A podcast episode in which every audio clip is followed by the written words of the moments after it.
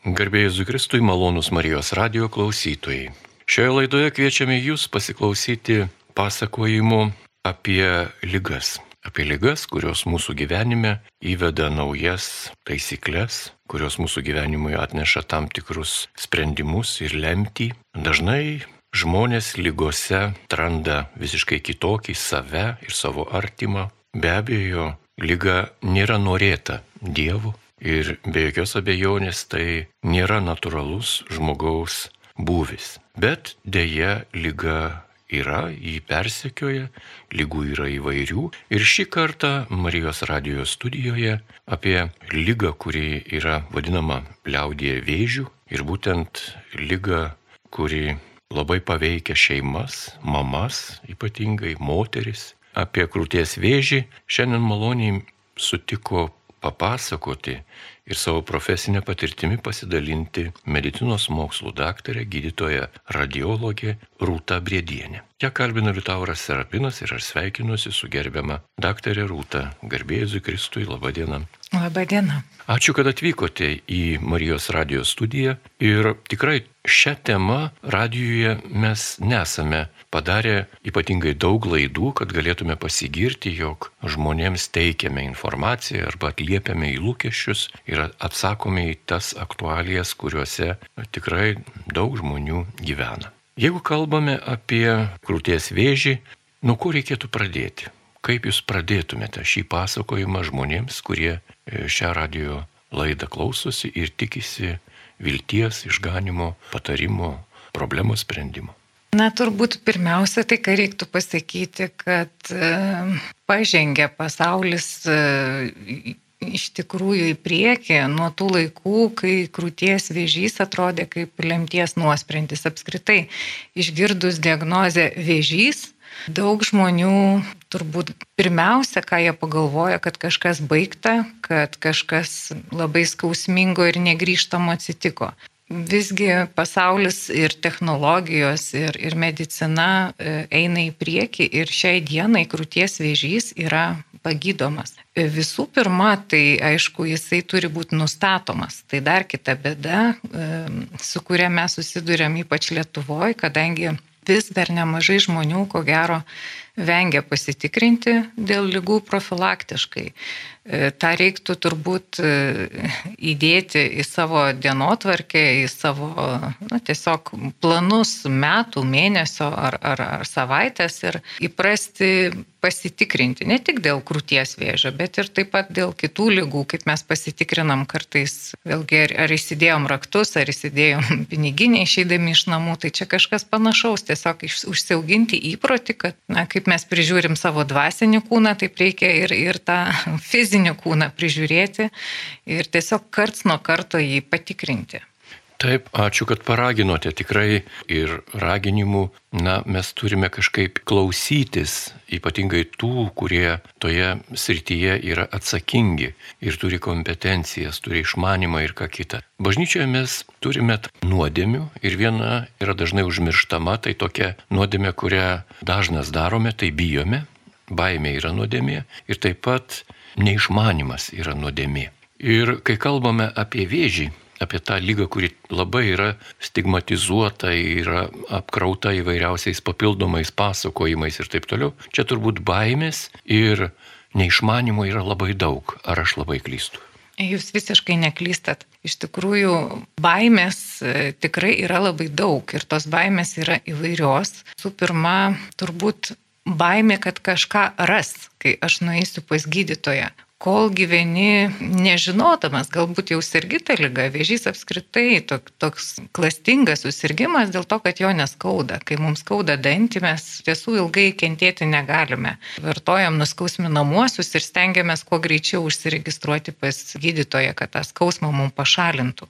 Vėžys dėja neturi dažniausiai šio simptomo ir, ir, ir gana ilgai gali aukti ir, ir likti nepastebėtas. Todėl būtent vat, tas pasitikrinimas kartai žmogui gali atnešti žinę, kad yra vėžys ir, ir žmogus bijo sužinoti negerą naujieną. Tai pirma baime. Toliau yra daug baimių e, tokių, o kasgi bus toliau? Gydimo baime. Yra didžiulė stigma ir didžiulė baime chemoterapinio gydimo. Visi esame apie jį girdėję, kad gydimas medikamentais, būtent tais chemoterapiniais preparatais yra labai sudėtingas, žmonės nuplinka, ypač tai aktualu moterim, nori būti gražios. Toliau tai tiesiog, žinoma, toksiškai veikia, naikina visą organizmą, kadangi norėdami paveikti vėžio lastelės neišvengiamai paveikiam ir visas kitas ir žmogus jaučiasi prastai.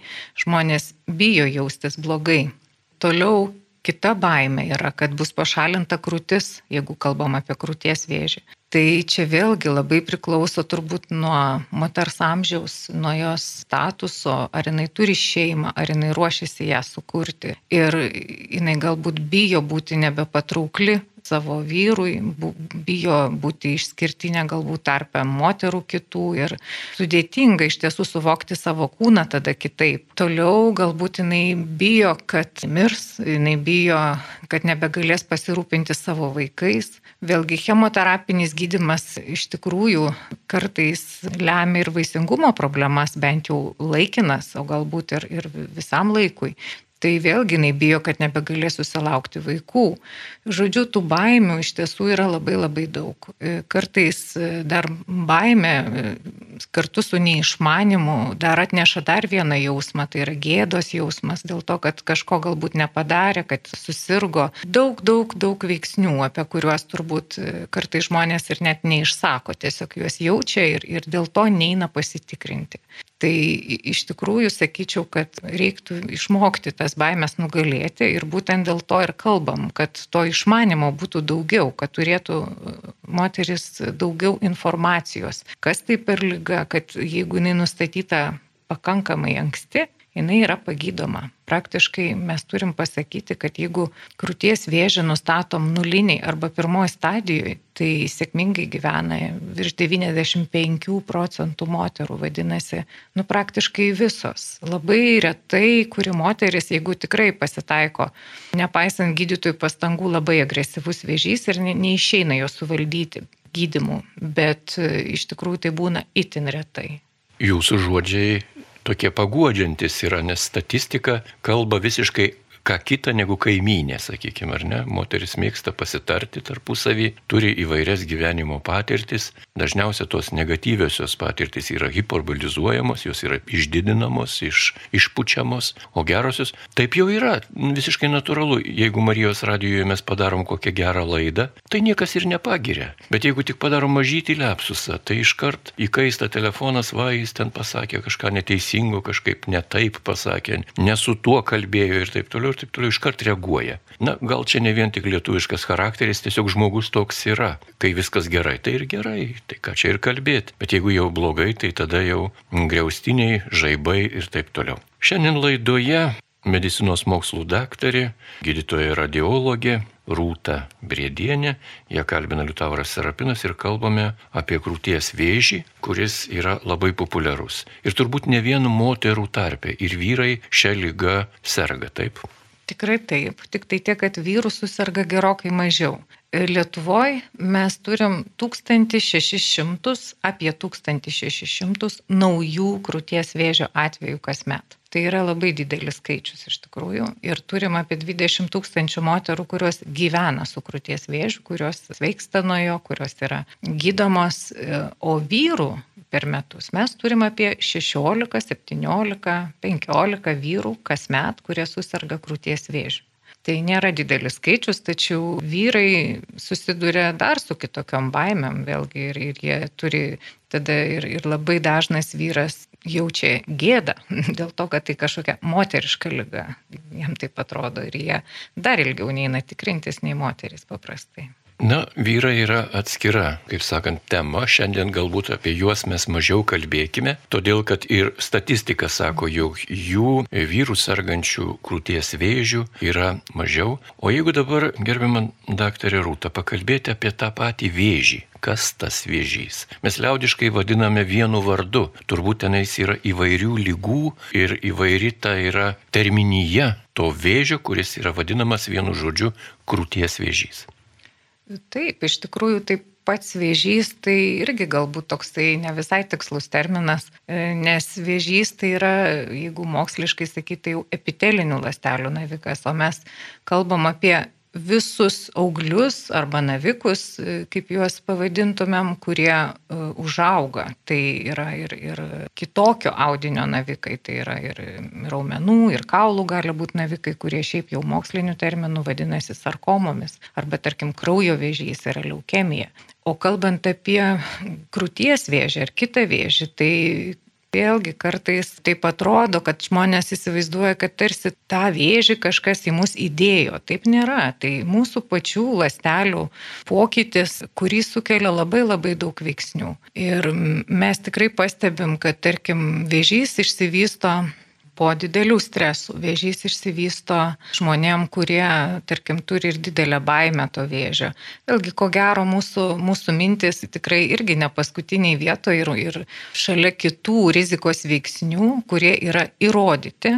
Tai vėlgi toks veiksnys kaip stresas, jį sunku įrodyti, sunku išmatuoti, koks tas stresas individualiam žmogui. Todėl šioje srityje, aišku, negali padaryti objektyvių mokslinių tyrimų. O rizikos veiksniai, kurie yra įrodyti vėžių išsivystyti, tai didžioji dalis yra priklausomi nuo hormonų. Tai pavyzdžiui, kuo anksčiau moteris susirga mėnesiniam ir kuo vėlesnė menopauzė, kuo ilgesnis tas hormonų veikimo periodas, tuo didesnė rizika. Kuo daugiau moteris turi abortų per gyvenimą, jeigu jinai vartoja papildomai hormonus, tarkim, pakaitinę hormonų terapiją, tai vėlgi yra didinama rizika susirgti krūties vėžių. Laikoma, kad didina riziką nemaitinimas krūtimi, nesusilaukiant vaikų Tai tie patys hormoniniai veiksniai, kurie didina riziką. Kita grupė rizikos veiksnių tai yra paveldėjimas. Tai jeigu šeimoje buvęs krūties vėžys, krūties kiaušydžių vėžys, tai tokių moterų nėra daug ir, ir yra nustatomos genetinės mutacijos. Jos yra žinomos, jeigu turi tą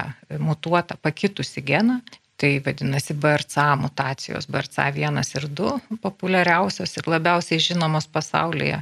Tai tokiu atveju apie 10-15 procentų vėžio yra susiję su jomis. Tai tokių moterų nėra daug, tačiau joms reikia ypatingai būti, būti budrioms, žinoti, išmanyti. Tai ir tada jau tikrintis dar aktyviau ir nuo 25 metų netgi tai daryti. Besiklausydamas jūsų, aš tiesiog pasižymėjau kai kurias mintis, kurias jūs visiškai taip išsakote natūraliai, bet jos yra atskiri, sakykime, tokie poliai, kolonos, ant kurių galima pastatyti sveiko žmogaus gyvenimą arba žmogaus sveikatą. Tai visų pirma mintys, kurios labai lemia, mes turim potenciją sirgti ar ne. Toliau maistas, tai ką valgome, ką į save priimame. Toliau gyvenimo būdas, kaip gyvename, kiek judame, kiek kvepuojame, kiek bėgiojame, prakaituojame, kiek lankstomės, kiek šalam arba šylam ir kaip visą tai darom, greitai, lietai ir dar kažkaip, o gal tik miegam. Ir toliau paveldėjimas, kuris yra ypatingas, ir mutavę genai, ko aš dar nepaminėjau.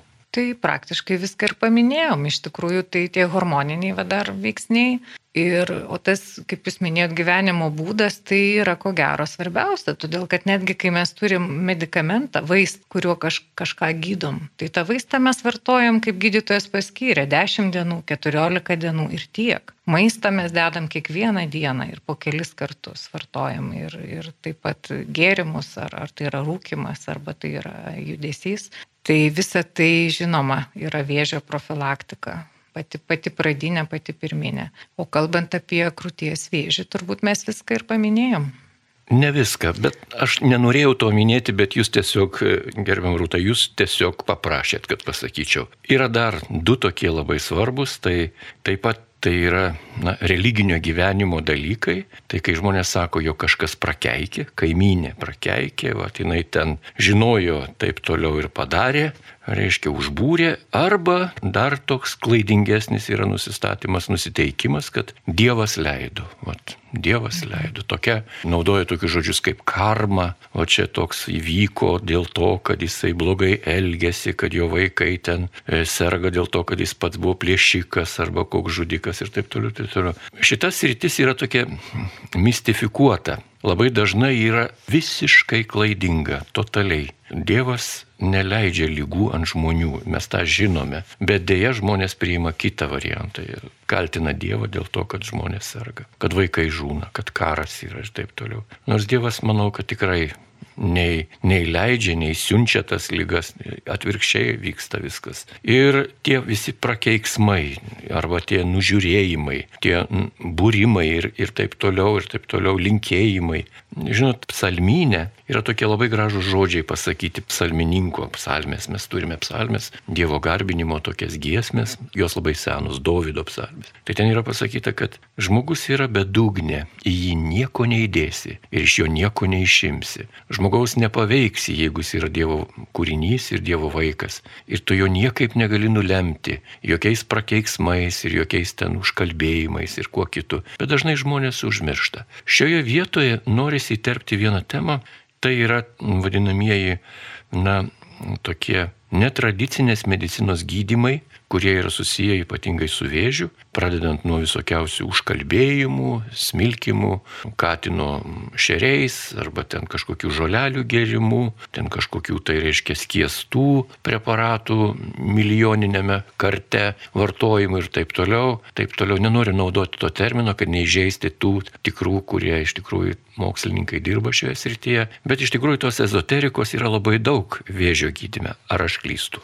Ne, jūs neklystat. Iš tikrųjų, mes irgi turim tokių pacientų. Deja, dažniausiai su, su tokia mm, liūdna, liūdna tokia praktika esu susidūrusi, kuomet nustatomas, tarkim, vėžys gana ankstyvoje stadijoje ir žmogus kaip ir nepasiryšta priimti to įrodymais pagristos medicinos gydimo ir jisai iš karto išvyksta, tarkim, turėjau tokią e, pažįstamą pacientę, kuri išvyko į Indiją gydytis netradiciniais gydimo metodais ir dėja, bet jinai grįžo jau, jau vėžiui pažengus ir mirė ta moteris. Vėlgi čia turbūt taip vienareikšmiai negali pasakyti, nes e, tie netradiciniai gydimo metodai, tarkim, juos išskirčiau į kelias, kelias grupės. Tai netradiciniais mes galim vadinti ir akupunktūrą, kuri yra, tarkim, kinų medicinoje pakankamai tradicinė ir refleksoterapija ar akupunktūra, jinai, ar masažas netgi, jis gali be galo daug pagelbėti, tik tai reikia žinoti, kurioje gydimo grandyje tai turi būti.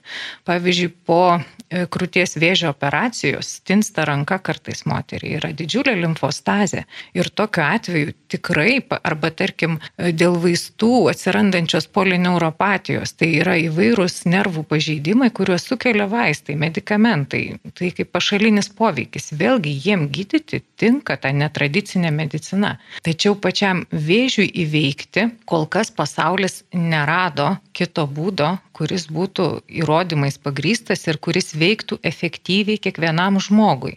Jeigu mes išskyrus tokio, kuris yra vat, tas tradicinis žinomas, tai yra chirurgija, chemoterapija, radioterapija, toliau šiai dienai mes turim biologinę terapiją, imunoterapiją, vakcinas, žodžiu, spektras yra nemenkas ir taip pat yra genų terapija. Ir kuris medikamentas, tarkim, po dešimties metų vyraus, sunku pasakyti, nes tie vaistai kiekvieną dieną yra išrandami nauji ir, ir galbūt ta lyga netgi bus visiškai veikta, galbūt ir be chirurgijos, sunku pasakyti. Va, tai šie metodai jie, kol, kol medikamentas, tarkim, patenka į rinką, patenka į darbą, jis praeina labai labai daug fazių. Jisai turi būti patikrintas su labai daug žmonių ir jeigu jisai veikia, tada jisai pradedamas naudoti jau visiems žmonėms. Na, o jeigu kalbėsim apie netradicinius metodus, tai e, toks metodas, kaip jūs minėjote, smilkimas arba maldos, e, tai jis niekada nepakenks, jeigu jis eina greta kito gydimo. Tikėjimas padeda išgyti,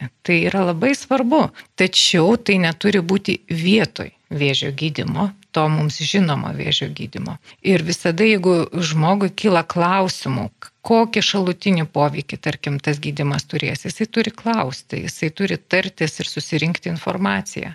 Na, o yra tų tarpinių dar gydimo metodų, kuriuos siūlo kaip papildą, pavyzdžiui, įvairius ten grybų ekstraktus ir, ir medžių grybo ir dar visokiausius, ar ten ugnežolę naudoti. Tai tarkim, Tikrai esu ne vieną kartą klausius mūsų fitoterapeuto ruolės, kuris yra labai populiarus tarp pacientų mūsų, tai jisai ilgus metus dirbo Vėžio institute ir, ir padėdavo žmonėms būtent netradiciniais metodais. Tačiau tie netradiciniai metodai, kuriuos sunku dozuoti, kur sunku nuspėti jų poveikį, jie gali būti taikomi žmogui jau pagyjus, esant remisijoje ir tarkim, kad lyga neatsinaujintų, arba kad geriau išsimiegotų, arba kad sumažintume pykinimą. Tai yra na, daug skirtingų vietų, kur tu gali įsiterpti su tais netradiciniais metodais, tik tai svarbiausia, kad jie neturėtų būti taikomi vietoj žinomo patikrinto gydimo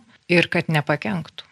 Besiklausant jūsų, prisiminiau savo bičiulį, kunigą vienuolį, kuriam teko nuvykti į rytų šalis, į Azijos šalis, kuriuose vyrauja kitoks tikėjimas nei krikščionybė, budizmas ir vienuoliai ten labai praktikuoja įvairius gydimus. Tiesiog dvasinis e, autoritetas arba dvasinis gyvenimas taip nulėmė kultūriškai, istoriškai, jog jie užsijima gydimu. Ir pasiekimai ten yra stulbinantis, ypatingai Kinijoje ir kur kitur. Viena iš tokių Lietuvoje net nežinomų būdų gydimo e, tas vienuolis kunigas, katalikas, man ir papasakojo. Tai yra diagnostika.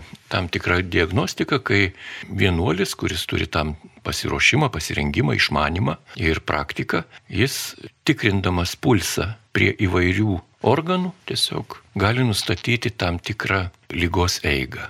Tai be galo, aš matau, jūs e, suprantat, kas tai yra. Gal galite truputį pakomentuoti. Taip, ir yra iš tiesų girdėta. Tai ir, ir vėlgi mūsų ta tradicinė medicina, jinai tikrai labai dažnai, na tiesiog labai tokia konservatoriška, galėčiau pasakyti, ir atsiveža ir kolegos iš kitų šalių, kitų patirčių.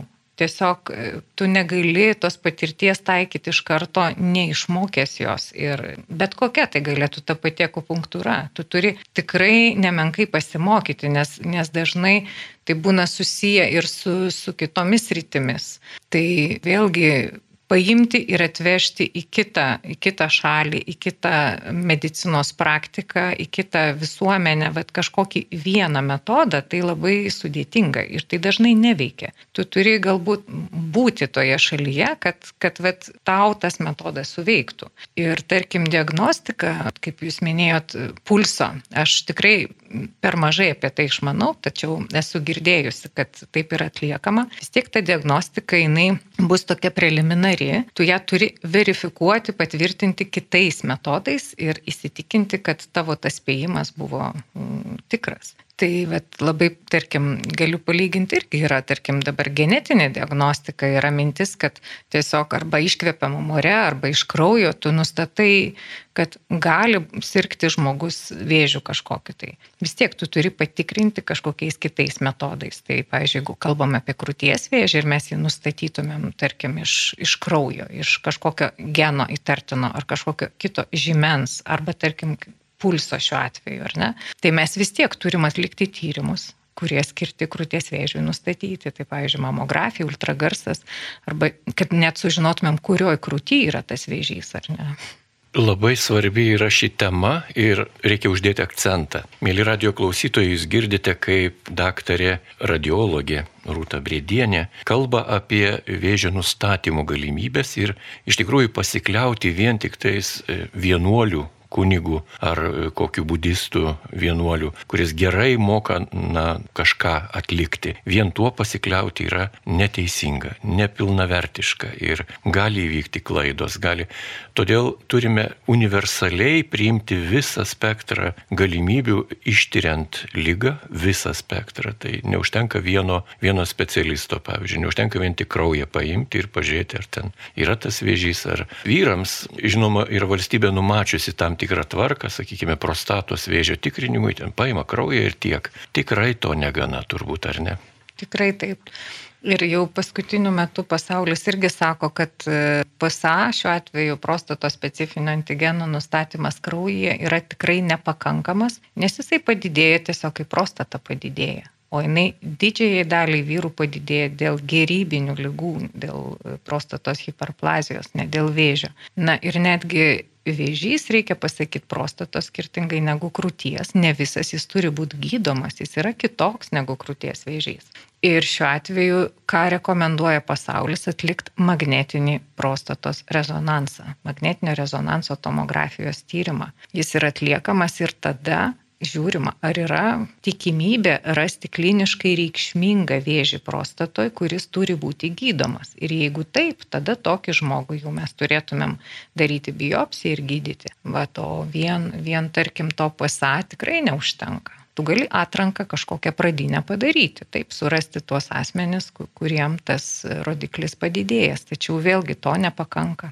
Malonus Marijos radio klausytojai, šiandien laidoje dalyvauja daktarė, e, gydytoja radiologė Rūta Briedienė, ją kalbina Liutauras Serapinas ir kalbame apie krūties vėžio gydimą bei su tuo susijusias įvairias gyvenimo istorijas.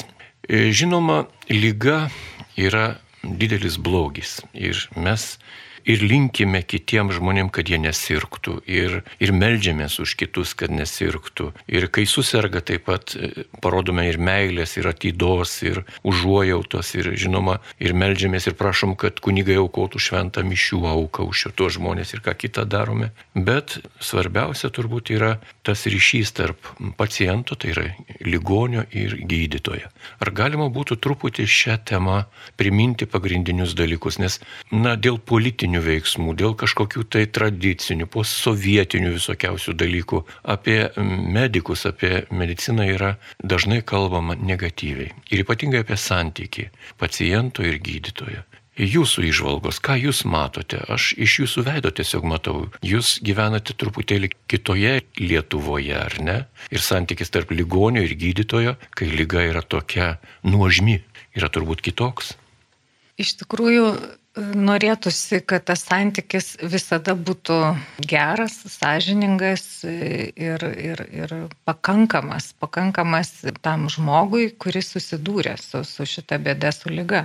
Bet dėja, taip ne visada būna. Iš tikrųjų ir, ir medikai reikia pripažinti, kad ne visada ir gydytojas atliepia paciento norus ir ne visada jisai galbūt turi galimybę su kiekvienu žmogum pakalbėti, skirti jam laiko tiek, kiek žmogui reikia. Ir tikrai norėtųsi palinkėti savo kolegoms, kad jie tikrai matytų ne tik pacientą, bet ir žmogų priešai save. Tai labai svarbu iš tikrųjų.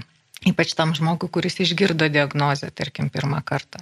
Bet pacientas, tas žmogus, kuris dar nėra pacientas, jisai vėlgi tas pasitikėjimas gydytojų, ko gero, Lietuvoje yra na, šiek tiek sumenkęs. Nežinau, kokios tos to priežastys. Galbūt žmonės vargina ir eilės registracijos pas gydytojus, galbūt ir ateinanti pakankamai populiariai mokama medicina, už, už kurią ne kiekvienas gali susimokėti. Ir, ir tada iš tikrųjų kyla pyktis, kyla nepasitenkinimas ir vėlgi ta neveikianti sistema, tarkim, jeigu kalbėtumėm apie krūties patikrą, tai ta prevencinė programa, jinai tikrai nėra patogi žmogui. Jinai turi būti keičiama ir, ir aš manau, tai netolimoje ateityje, nes e, kaip jinai veikia, priminsiu, tai tiesiog moteris gali pasiimti siuntimą iš šeimos gydytojo, atlikti profilaktinę mamografiją. Tai galima padaryti nuo 50 metų iki 69 šiai dienai, būtent pagal prevencinę programą, o anksčiau arba vėliau kita, kitose amžiaus grupėse tą galima irgi padaryti nemokamai su šeimos gydytojo siuntimu. Tiesiog tai nebevadinama prevencinė programa, tai netliekama rutiniškai kas du metai, o tiesiog pagal poreikį. Jeigu kažką jaučia moteris arba nori pasitikrinti profilaktiškai, jinai ir ateina. Ir jau šioje grandyje mes turim kartais problemų, kartais, kaip žinot, šeimos gydytojas sako, čia nereikia tikrintis, kam tu sveika ir panašiai, arba per dažnai vaikštai, visokiausių mes išgirstam atsakymų. Aš pati kartais būnu pacientė ir, ir žinau, kad kartais tie atsakymai nu, būna ir nekorektiški, nors didžioji dalis gydytojų visgi, galiu pasakyti, tikrai labai nuoširdžiai bendrauja su pacientu. Na, o toliau jau, kai nustatomi kažkokie pakitimai, tai šiuo atveju moteris irgi kartais patenka į tokią nevilties zoną, kuomet jinai skambinasi jau pas gydytoją specialistą, pas onkologą arba pas radiologą, kur, kur atliekami specialūs tyrimai, tarkim, mūsų vėžio institute. O ten e, vėlgi yra kiti asmenys, su kuriais žmogus susiduria, tai yra registratorės, tai yra slaugytojos, kurie kartais taip pat nepadeda pacientų, yra eilės registracijai, yra, o tuo metu žmogus jaučia baimę, nerimą, kad jisai serga, baimę dėl lygos, kad lyga išplis. Ir visa tai sudaro tokį labai labai nepalankų foną visam tam bendravimui. Ir jau kartais, kai pacientas jau prieina iki gydytojo po mėnesio, po dviejų ar, ar, ar kartais ir dar vėliau, jisai jau būna labai nelaimingas, piktas ir nusivylęs tą mediciną ir, ir jeigu sistema veiktų nuo to paties turbūt pirmo, pirmo žingsnio, tai tikrai būtų, na, ko gero, kitas tas santykis. Gerbiama daktarė Rūta, gal galėtumėte priminti tai, ką pasakėte, nuo ko reikėtų pradėti, ko reikėtų prašyti šeimos gydytojo, jeigu moteris įtarė, kad jai jau laikas kreiptis dėl vėžio? Taip, tai jeigu tai yra, jau yra simptomai, tai kažką jaučia. Tai kas tai gali būti? Kažkoks guzelis, paraudimas krūties, sukėtėjimas, kažkokios išskiros ir spenelio, žodžiu. Kažkas, kas neramina moterį. Gal tiesiog forma pakito krūties ir, ir tai neramina. Tai vis tiek pirmiausia reiktų kreiptis į šeimos gydytoją. Ir šeimos gydytojas tada jau duotų siuntimą, nukreipimą arba atlikti mamografiją arba echoskopiją priklausomai nuo moters amžiaus parenkamas tyrimas arba kreipia iš karto pas gydytoją specialistą. Tai yra krūtų specialistais, Lietuvoje dirba krūtų chirurgai, krūtų radiologai, krūtų E, chemoterapeutai, plastikos chirurgai, žodžiu, gynekologai kartais. Tai gali būti platus spektras gydytojų. Ir jau tada atliekami visi reikalingi tyrimai. Ir labai gerai, jeigu tie tyrimai atliekami vienoje gydymo įstaigoje, kad nereiktų moteriai skambinėtis ir bėgioti vieną tyrimą tenai padaryti, kitą tenai. Taip sugaištamas ir laikas, ir pinigai, ir, ir, ir dažnai netenkina galutinis rezultatas. O jeigu moteris yra šiai dienai nuo 50 metų, tai jie tiesiog turėtų gauti kvietimą pasitikrinti kas du metai. Tai kai kurios poliklinikos siunčia pačios žinutės, kad atvykite pasitikrinti. Ateityje turėtų veikti toks centrinis tokių moterų kvietimas. Tai jos tiesiog kas du metai turėtų gauti tokį laišką kvietimą, kur jom atvykti, kad joms apie tai nereiktų net mąstyti ir jeigu jos sutinka būti patikrintos, tai vat, taip tai ir turėtų vykti.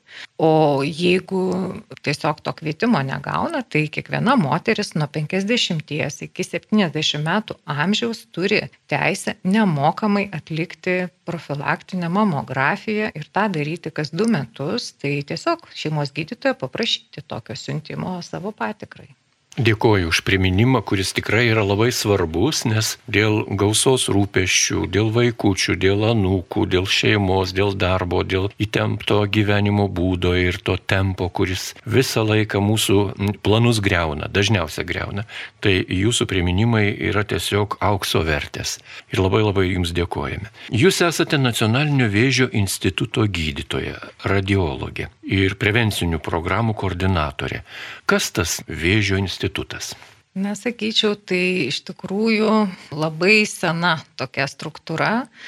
Ir norėtųsi visgi, kad tas nacionalinio vėžio, nacionalinis vėžio institutas būtų dar stipresnis ir, ir dar gyvesnis, būtent teikdamas rekomendacijas ir vėlgi gydimo kažkokius naujovės dėkdamas Lietuvoje.